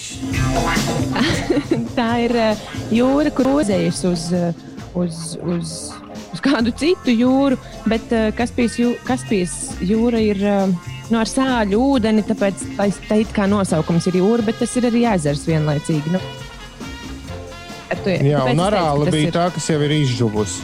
Tāpēc es teicu, ka šis ir mazais āķīgais jautājums. Nu, neko darīt. Ulu apsveic ar uzvaru. Nav uzvaras, kā, Nav? kāpēc Jums ir lai uzvar? neizšķirts. Akal, akal. Divnieku karaļi. Nē, nav divnieki, diemžēl vieninieki. 7,54 minūtes. Šī bija Irases geogrāfijas spēle. Kaut kas bez kā. Ļoti vājš sniegums. Vājš, ne? Kaut kas bez kā nedēļas sākums nav iedomājams, vai ne? Un tagad Linda Līna ar dziesmu, kur ieradās pie mums ciemos uh, un uz palikšanu ieradās precīzi pirms nedēļas. Blue Monday, Linda Līna. Labrīt! Pirmdienā īziņa mašīna ir atdzīvojusies. Es uzzināju, Jē. es uzzināju ka Arnis un uh, Māris un Sensīts Dainis šorīt uh, varēja pieiet pie leduskapja un apēst kaut ko garšīgu, jo viņi laika mašīnā ļoti labi nostartēja un zināja Brotherhood of Man. Un Mums ir arī vairāki klausītāji, kas atbildējuši geogrāfijas spēlē pareizāk. Nereiz. Kā viņiem veicies? Nu, diezgan labi. Ir uh, kāds anonīms klausītājs atbildējis uz uh, pirmo, trešo un pēdējo jautājumu. Pareiz. Kā, nu, citiem ir divi līdz trīs punkti atšķirībā no jūsu viena. Mm. Bet tas ir tik jauki, ka klausītājs gudrāks nekā tie tur divi, kas, kas par radio pļāpā. Lai jums rīta krekšķis balsī nav. Būs jāsāk skalot. Būs jāsāk skalot rīta krekšķis ārā ar kaut kādu skalojumu. Vajag uh, ievingrināt balsi no rīta. Mm -hmm. Iedziedā, iedziedāties. To, to, to, to, to. Nu, varbūt ne gluži Tā, tā, tā, tā, iedziedāties, tā. bet ir taču tie runas vingrinājumi. Visi. Jā, Mēs uh, atskaņojam jau nedēļu bez mazliet katru rītu Lindas Līna jauno gabalu Blue Monday un Vēgāre, kur raksta ar lielu interesi šorīt šazamoju, lai noskaidrotu, kas tā par dziesmu, jo zināju, ka gribēšu noklausīties vēlreiz. Man par lielu pārsteigumu ekrānā parādījās Lindas Līna singla covers. Super, ļoti laba dziesma. Tā ir, tā ir. Mēs uh, tikai tās labās liekam kompaktdisku atskaņotājā iekšā. Labās dziesmas non-stop.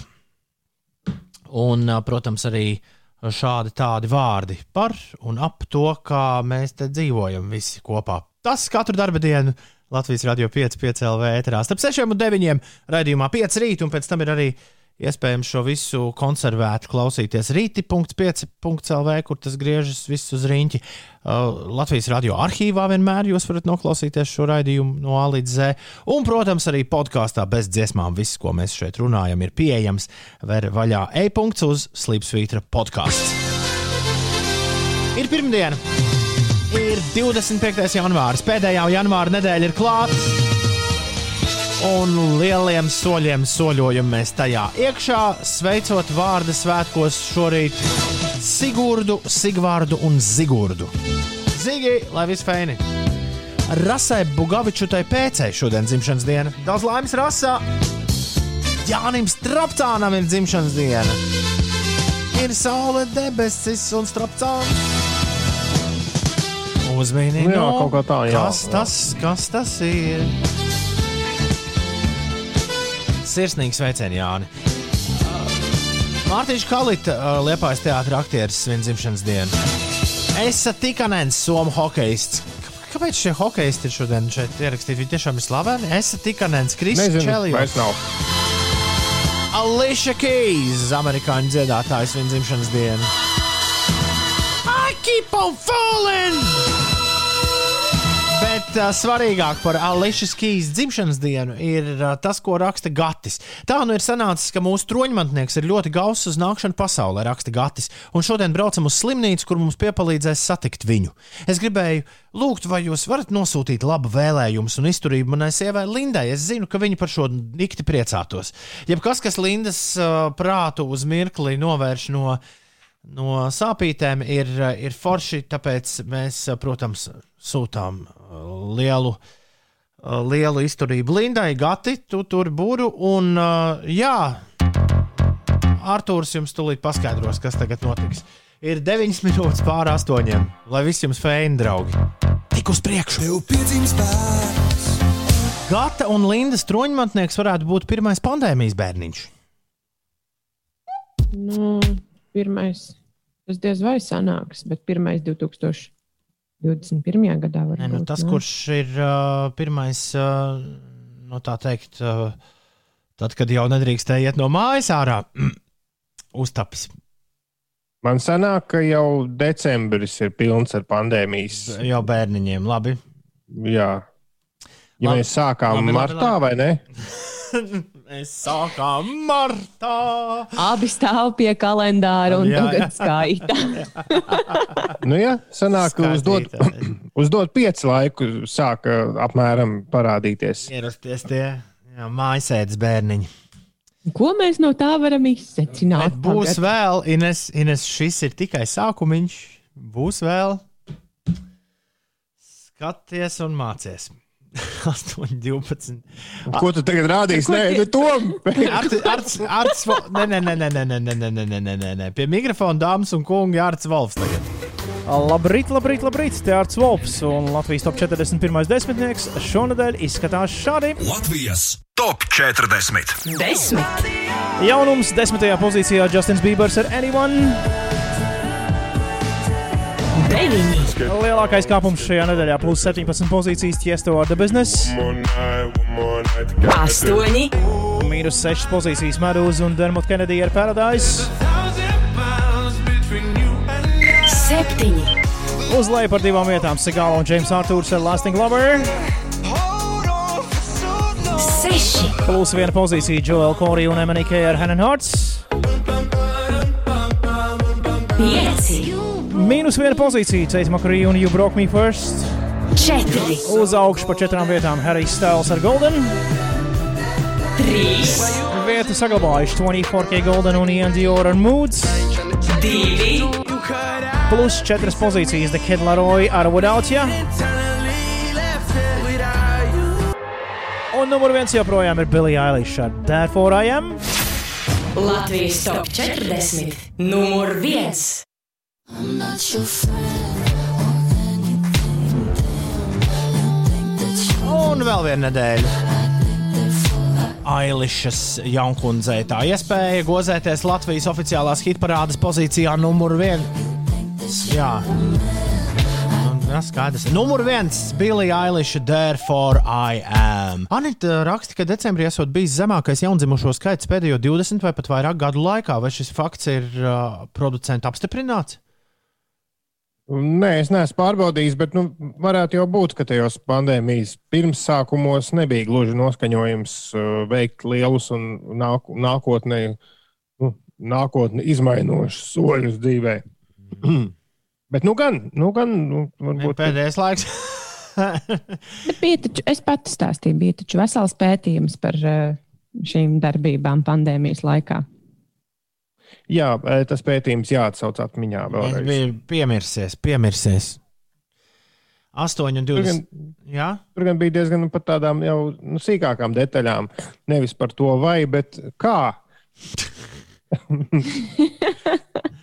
8 un 21 minūte ir pareizais laiks. Pagaidām es saprotu, šis pētījums ir kaut kur kādā atvilknē. Mēs tam netiekam klāt. LSM tas pētījums bija, bet arī pagājušā nedēļa ir laikam, vienīgais Latvijas demogrāfs runājis, ka jā, pērnajā gadā, jeb šī 2020. gadā, par 6,9% ir samazinājusies dzimstība Auč. nekā, nekā 2019. gadā. Cik Par procentiem? 6,9%. Bet skaitlis gan, skaitlis gan tāds, jā, nē. Ja ieraksta Google, 69. ja ieraksta Google LSM seks, tad var atrast to. pēc. Sarunāts. 8 un 22. Labrīt, Ines, kas notiek? Kopumā par gatavību vakcinēties, kad radīsies tāda iespēja, aptaujā paziņojusi tieši puse Latvijā aptaujāto iedzīvotāju. Lai gan par nodomu atteikties potēties teikuši 38%, bet vēl 12% esot tādi, kas nav varējuši sniegt eh, konkrētu atbildi. Tā liecina aptauja, kuru pēc LSMLV pasūtījuma veica SKDS. Cīņā ar Covid-19 Francija un Vācija no svētdienas ir pastiprinājusi kontroli uz robežām. Arī Nīderlanda ir pastiprinājusi drošības pasākumus. Nīderlandē ievieš eh, sākot no aizvadītās sestdienas komandas stundu no 9.00 vakarā līdz 4.30 no rīta. Un tur galvaspilsētas ielās bija arī protesti pret šo papildus ierobežojumu, un policistiem nācās izmantot ūdens lielgabals, lai izklīdinātu satrakojušos cilvēkus, ja tā var teikt. Eh, Pie mums pašmājās šodien atsākas mācību process sākuma skolā. Vismaz līdz 7. februārim tas notiks attālināti, tālāk jau vēl skatīsies. Līdz šim attālināti mācās skolēni no 5. līdz, eh, līdz 6. klasē, arī 7. un 12. klašu skolēni un arī, arī studenti. Un par, vēl par pašmājām arī pie mums atgādināšu, ka brīvdienās notiek mājasēde, un tā turpināsies arī vēl līdz 7. februārim vismaz. Vismaz tāds uz, uzsvarvārdiņš. Linkin Park un Numbu, un ņemot vērā to, ka pirmo uh, ceturto klašu skolēnu pirmo reizi ķeras klāt attālinātajām mācībām, oficiāli ķeras klāt šajā rītā, mums ir nepieciešams Jauno vecāku rīts. speciāli izlaidums. Speciāli izlaidums jauno vecāku rītam. Tas patiešām šorīt ir tas, kas ir nepieciešams. Uh, man ir paveicies, manam pirmklasniekam bija iespēja nodarboties divas nedēļas ar mēģinājumu, ar Zoom mēģinājumu, kur uh, šo un to viņš padarīja kopā ar saviem klases biedriem. Nu, tad šodien, šodien sākas pa īstam.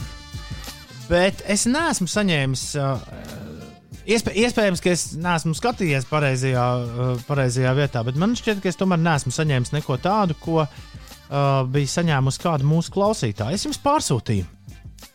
Uh, kāds mūsu klausītājs uh, man sūtīja to ziņu par to, kā skola lūdz sagatavoties. Limbažos skola, man liekas, Jā. ka tā bija gimnāzija. Es Jā, šī ir ziņa, kas ir iz, izklajojusies arī pa sociālajiem tīkliem, uh, un es pamanīju to visās valās aizvadītajā nedēļas nogalē. Bet es atgādināšu, gan, ka Limbaģa skola nav vienīgā, kas ir parūpējusies par vecāku informēšanu. Man liekas, cilvēki bija dalījušies arī ar Drūvas skolas uh, ieteikumiem, un droši vien arī citas skolas ir kaut ko sūtījušas vecākiem. Es nevaru atrast, kur tas man bija. Kā tas, kā tas parasti vienmēr gadās tajās situācijās, kad ir nepieciešams kaut kas. Bet vai jūs varat nolasīt, ja jums ir šis priekšā, jūs varat nolasīt tās galvenās, jo tur bija pāris ļoti labas, uh, ļoti labi padomi. Ne, pirmkārt, lielā mācība ir visām skolām un arī, arī iestādēm, kas visu kaut ko citu nodarbojas. Cik ļoti mums reizēm ir vajadzīgi šādi īsā formā uh, pasniegti un vienkārši padomi. Reizēm nevajag nemaz šausmīgi gari, bet reizēm pietiek ļoti vienkārši pateikt. Šeit vienkārši Limbaģa valsts gimnāzija bija, ir publicējusi ieteikumus 1. un 4. klases skolēnu vecākiem attālināto mācību laikā. Jā, Mēs varam es to tev arī tad Vislabāk, mēs- ne, vislabākais bija sadaļa, ko nevajag darīt. Jo ko darīt, nu, nu, to, par to gan visi mēs esam informēti, nu, kas un kā ir jādara. Bet eh, ko nevajag darīt? Cerēt, ka bērns ar visu tiks galā pats. Tā nenotiek. Otrais punkts - dusmoties. Ja bērnam kaut kas piemirsies, tā gadās visiem. Nevajag mācīt bērnu, to dara skolotāji. Un šeit ir atbilde arī uz manu pērnājā, jā, pagājušās nedēļas jauno vecāku rītā runāto. Es līdz galam arī nesaprotu, kurā brīdī man ir jāiejaucas un jāpalīdz, un, un, un jāpilda darbi viņa vietā. Un rekur arī rakstīts, pildīt darbus bērna vietā. Jūsu skolas laiks jau ir beidzies. To nevajag darīt. To nevajag darīt. To nevajag darīt. Jā. Bet pie lietām, ko vajag darīt, man, piemēram, ļoti patika ieteikums katru vakaru sabučot savu mīļumiņu, kopā ieelpot svaigu gaisu un parunāties par to, kā pagāja skolas diena. Droši vien šajā laikā nu, katram pašam ir uh, savas lietas, kas nomoka galvu, bet arī šobrīd ir, ir forši tomēr pajautāt, kā tad pagāja skolas diena. O, un mums ir pievienojies rekur viens skolnieks. Ir gan jā, skolnieks pievienojies. Skolnieks vēlēs kaut ko pateikt, Inesai Nuldim? Ja, ja tu- Jā, Šis gan nav skolēns, šis ir bērnu dārznieks. Tu dodies uz dārziņu? Jā, Edvins, Edvins atnāca man pateikt, čau, tā, pa ceļam, pa ceļam uz bērnu dārzu. Lai tev laba bērnu dārza diena, čau! ja ir skolēni, tad ir bērnu dārzēni. Bērnu Bērnu dārznieki. dārznieki. Bērnu dārznieki, jā. Bet skolnieki nav nieki, bet bērnu dārznieki ir nieki. Un, Bet tici, jā. un, un ticiet man, šis, kas nu pat notika, Ines un Ulda, ir viens no iemesliem, kāpēc es nemaz neilgojos atgriezties atpakaļ radio studijā. Šis ir, šis ir tik jauki, un es to turpinu izbaudīt. Katru rītu būt kopā ar, ar ģimeni un redzēt, redzēt kā jaunie cilvēki aug. Un, um, un, un jā, tas ir, tas ir forši. Jā, bet nu, galvenais ieteikums uh, - saglabāsim mieru un dzīvesprieku.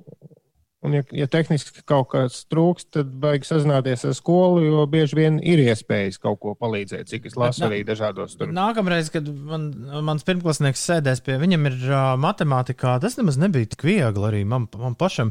Viņam ir uh, nu, šitie ten, uh, uzdevumi, kuros ir. Uh, uh, nu, tev jāpasaka, kurā pusē ir lielāks skaitlis. Nu, tur teiksim, Jā. 69, minus 54 un 24 plus 68. Un pa vidu tev jāieliek pareizā zīmīte. Pie knābīšu vaļā vai jā, ciet, vai knā, knābīts. Nākamreiz, kad viņš sēdēs pie tiem un klieks, ka viņš neko nesaprot, kas viņam ir jādara, tad es neko nepalīdzu. Skaidrs. Bet ne jau gluži neko nepalīdz, bet nemāci pa savam vai nepildīja bērnu mājas darbus bērnu vietā. Jā, jo rekur, Andrejs, piemēram, raksta, ka viņš tur uz, viņš uzskata, viņš nav vecāks, bet uzskata, ka jaunietim pašam jāizpild, tad ar vecākiem var izrunāt, un tad vēlreiz. Bet man šķiet, ka tā, tā nu, vismaz cik es pats atceros no skolas, ka iesniegt nepareizus mājas darbus ir viena no labākajiem mācīšanās veidiem. Jo tad, kad tu saņem to, nu, tad bija sliktas atzīmes, lika tagad laikam daudziem atzīmes neliek, bet nu, tajā brīdī es iemācos, ka es esmu kaut ko nesapratis. Nevis man vecāki pasakā, ah, nu redz, nu tur taču ir tā, tā, tā, un beigās bērns sāk uz to pierast pie tā, ka visi jau palīdzēs, un, un nu, tad es šo to nebūtu iemācījies. Un man liekas, viena no foršajām metodēm, kā uh, pārbaudīt, vai bērns kaut ko ir iemācījies, ir paprasīt viņam, lai viņš tev izskaidro. Nu, to, piemēram, tādā dienā vielu, kas ir ņemta. Meitenes ir skolnieces, puikas ir skolnieki, visi kopā skolēni. Jā, baigi, to mēs zinām, bet kāpēc bērnu dārzēni ir bē- bērnu dārznieki, nevis bērnu dārzēni? Tāds bija jautājums. Bet par to vairāk vai mazāk, man liekas, ka to vislabāk mācīt ar kaut kādām mazajām krāsainajām končiņām. Nu, tur šmemenēmiem vai ko. Nober divus čupiņus un, un pateiks nepareizi, dabūs mazāk. Klausīties piecas rītas jau divas nedēļas ir kļuvusi par manu rīta tradīciju. Palīdz pamosties un būt uz strīpas attālinātajās mācībās. Paldies par kompāniju, raksta Katrīna. Paldies, Katrīna! Prieks, prieks dzirdēt, ka mēs ne tikai vecākiem, bet arī pašiem skolēniem nodaram, nodaram arī kā attālinātie draugi. Un, uh, kā es biju skol, skolnieks, saku, ir labi, ja dažreiz vecāki izpilda kādu darbu. Ne, droši vien nekādu. Ska... Pašam skolniekam liels prieks par to. Bet Bet tas, bet tas ir uz visām tām mete, uz tiem nu, zīļu vīriņiem, nu, kad ir jātaisa visādas figūriņas. To, Jā, man jā. liekas, jādara vecākiem. Bet es vēlējos noslēgt šī rīta speciālo jauno vecāku rīta. Uh, jā, izlaižu. Kamēr tu domā, es vēl piebildīšu. nu, Par to, ka ir jauki, ja vecāki palīdz, nu, piemēram, Vilnas zeķis uzadīt mājturības stundai. labi, skaidrs, jā, vecākiem praktiskās lietas ir jāpalīdz. Bet, uh, mīļie, jaunie vecāki, mēs ļoti cerējām, ka tas nenotiks. Un to jau tāpat arī cerēja tie cilvēki, nu, kas atbild par to, kurš mācās attālināt, kurš, kurš nemācās attālināt. Bet tad kaut kādi duraki uztaisīja milzīgu troksni par maskām. Un te ir rezultāts. Ja reiz mūsu mazie draugi ir palaisti attālinātajās mācībās, tad mums nekas cits neatliek, kā rēķināties, ka tagad tas kādu laiciņu tā būs. Nu, ļoti gribētu redzēt scenāriju, ka pēc divām nedēļām ā, pēkšņi atver skolas durvis vaļā un saka, hei, nāciet, nu tik skries un nu tik darīs. Tā kā, tā kā vienkārši tā, gluži tāpat kā mēs to darām kopš pērnā gada marta, adaptējamies, adaptējamies un, um, un, un, un, un, un cenšamies kaut kā to dzīvi iegriezt jaunajās sliedēs, tā lai pēc iespējas mazāk traumu visiem Jā. pa ceļam. Britu, Britu laikrakstam šorīt uz vāka milzīgs virsraksts Schools out till Easter. Eh, Skola atcelta līdz lieldienām. Tā kā visur ir jautri. Mēs neesam šajā viena paši. Jā. Tieši tā. Jauno vecāku rīts. Atcerieties, bērniem bērnībā ir attīstītas divas atmiņas. Redzēs vai dzirdēs. Tas nozīmē, ka skaļi pasakot vai redzot, bērns atcerēsies vislabāk. Tas vairāk par matemātiku. Jo bērns no zila gaisa neko nevar iemācīties. Ir jābūt ļoti labam pamatam. Paldies, Mārtiņ, par uh, komentāru. Nē, esmu drošs, ka es tam līdz galam izsakoju, bet. Uh, mm, Attīstītas divas atmiņas, redzes vai dzirdes. Tā ah, bija. jā, Jā, es gan līdz galam nepiekrītu šim apgalvojumam. kāpēc? Man liekas, ka vislabāk cilvēks iemācās darot, nevis tikai noklausoties vai paskatoties uz, uh, uz piemēru. Un Boris nav lā- lāgu omā. Viņš raksta, kungi, adaptēties un pielāgoties jau var, bet vai esat padomājuši, kādu negatīvu ilgtermiņa ietekmi uz bērnu jauniešu dzīvi var sniegt šī mācību imitācija? Un Boris, ā, kādu ilgtermiņa ietekmi, kā tev šķiet, uh, uz manu dzīvi sniedz šī radioimitācija no, no garāžas? Nē, nē, nu, pareizi ir vienīgi jautājums, vai, vai šo gadu norakstīt, kā Boris raksta, vai tas būtu prātīgi. Nu, diez vai, bet uh, skaidrs, ka šis nav. Nu, ir, ir savi daži plusiņi, bet skaidrs, ka šis viss kopumā ir negatīvi. Bet es kaut kā ticu, ka tas ir īstenībā vecāku, tāds, uh, vecāku bažas. Jo nu, būsim atklāti, cik daudz bērni šobrīd jau gan sākuma skolas vecumā, gan skolas vecumā sēž pie ierīcēm, pie telefoniem, planšetēm, datoriem un skatās visu kaut ko. Kāpēc uh, mācīties pie datora būtu sliktāk nekā skatīties multenes? Tāpēc, ka ekrānā? tu neesi ne, nesocializējies. Bet neviens nekur nesocializējas. Nevienā vecumā šobrīd. Nu, jā, bet vai tad tas ir labi? Nē, tas nav labi, bet, uh, bet es nedomāju, ka tas bērniem sagādātu tik lielas grūtības, kā bieži vien pieaugušie iedomājas. Nu, kā kuram es esmu dzirdējis dažādus. Gan ir gan tādi, kas ļoti pārdzīvo. Mans, gan, gan mans, tādi, pirmklasnieks, mans pirmklasnieks ir starā pats par situāciju, kurā viņš atrodas. Vienīgais viņam pietrūkst uh, Beiblaidu spēlēšana starpbrīžos ar klases biedriem. Bet tā kā vecāki ir mājās, Beiblaids var spēlēt arī ar mammu un tēti. Exactly, exactly. Desmit vienam. Ā, Labi, Ines, labi, mums Ines, jau- kas notiek? Mums jau tā no malas uh, gudri spriedelēt. Uh, vispirms par laikapstākļiem. Tātad uh, šodien Latvijā ir uh, vairākos reģionos paredzēts sniegs, apladojums vietām apgrūtinās braukšanu pa valsts galvenajiem un reģionāliem autoceļiem. Šobrīd uz reģionālajiem ceļiem apgrūtināta braukšana ir visā valsts teritorijā, izņemot Cēzu, Gulbenes, Rudzes un Lūdzes un Rēzeknes apkārtni. Šodien debesis pārsvarā klās mākoņi, vietām gaidāms neliels lietus, sniegs un dūmaka. Dienvidu vēja ātrums brāzmās sasniegs 9,14 m2, bet vakarā pūtīs lēns vējš. Gaisa temperatūra robežās no 0 līdz plus 4 grādiem. Rīgā nav gaidāmi būtiski nokrišņi, dienvidu vēju brāzmās pastiprināsies līdz 13 m2. Un pēcpusdienā tas sāks mazināties, bet gaisa temperatūra galvaspilsētā ap plus 2 grādiem. No šodienas stājas spēkā valkāpības pieņemtie stingrākie noteikumi visiem ieceļotājiem. Tie paredz, ka pirms ieceļošanas Latvijā ir jāuzrāda negatīvs COVID-19 tests, kas ir veikts pēc starptautiski atzītas precīzākas metodas. Tādējādi vairs nevarēs uzrādīt ekspresa testu vai lidostā veiktu pārbaudi. Savukārt personām, kas nesen izslimojušas COVID-19, ir jāuzrāda ārsta izziņa, ka persona nav infekcioza. Klausies, smukā meitene, kas par rādio runā. Kad tās kafejnīcas taisīs vaļā? Jā, Nu, par jebkādām-. Jā. Nē, Ines atbild, atbild uz retorisku jautājumu. Par jebkādām izmaiņām uz labāku pusi mēs varam runāt tikai tad, kad uh, saslimstības rādītāji mazināsies. Jā, bet mums ir dažas svaras sīziņas. Šis bija, šis, starp citu, bija ciemiņš, kurš mums, pie mums nebija līdz šim bijis. Vec, vecmāmiņa kādu laiku nesat dzirdējuši, bet šis bija skarbais opis. Ah, man liekas, ka šis ir tas vīrs, kas gribēja zināt, kad Dienāmo beidzot sāks uzvarēt. Tas arī ir. Paga, uh, tas nākamā sezona. Bet uh, tagad uh, Uldis un izziņas. Visu uzmanību. Nē, eh, cilvēki raksta par to redzes un dzirdes atmiņu, visu kaut ko, bet otrā aija mums ir atrakstījis, ka cilvēki ir pārāk pieraduši pie labas dzīves. Jāceras, ka bija gan karš, gan visādi citādi slikti laiki, un cilvēki izaug vienalga. Un jāsaka, paldies ka, nu, Covidam, ka tas uznāca tik tehnoloģiju pārpilnā laikā.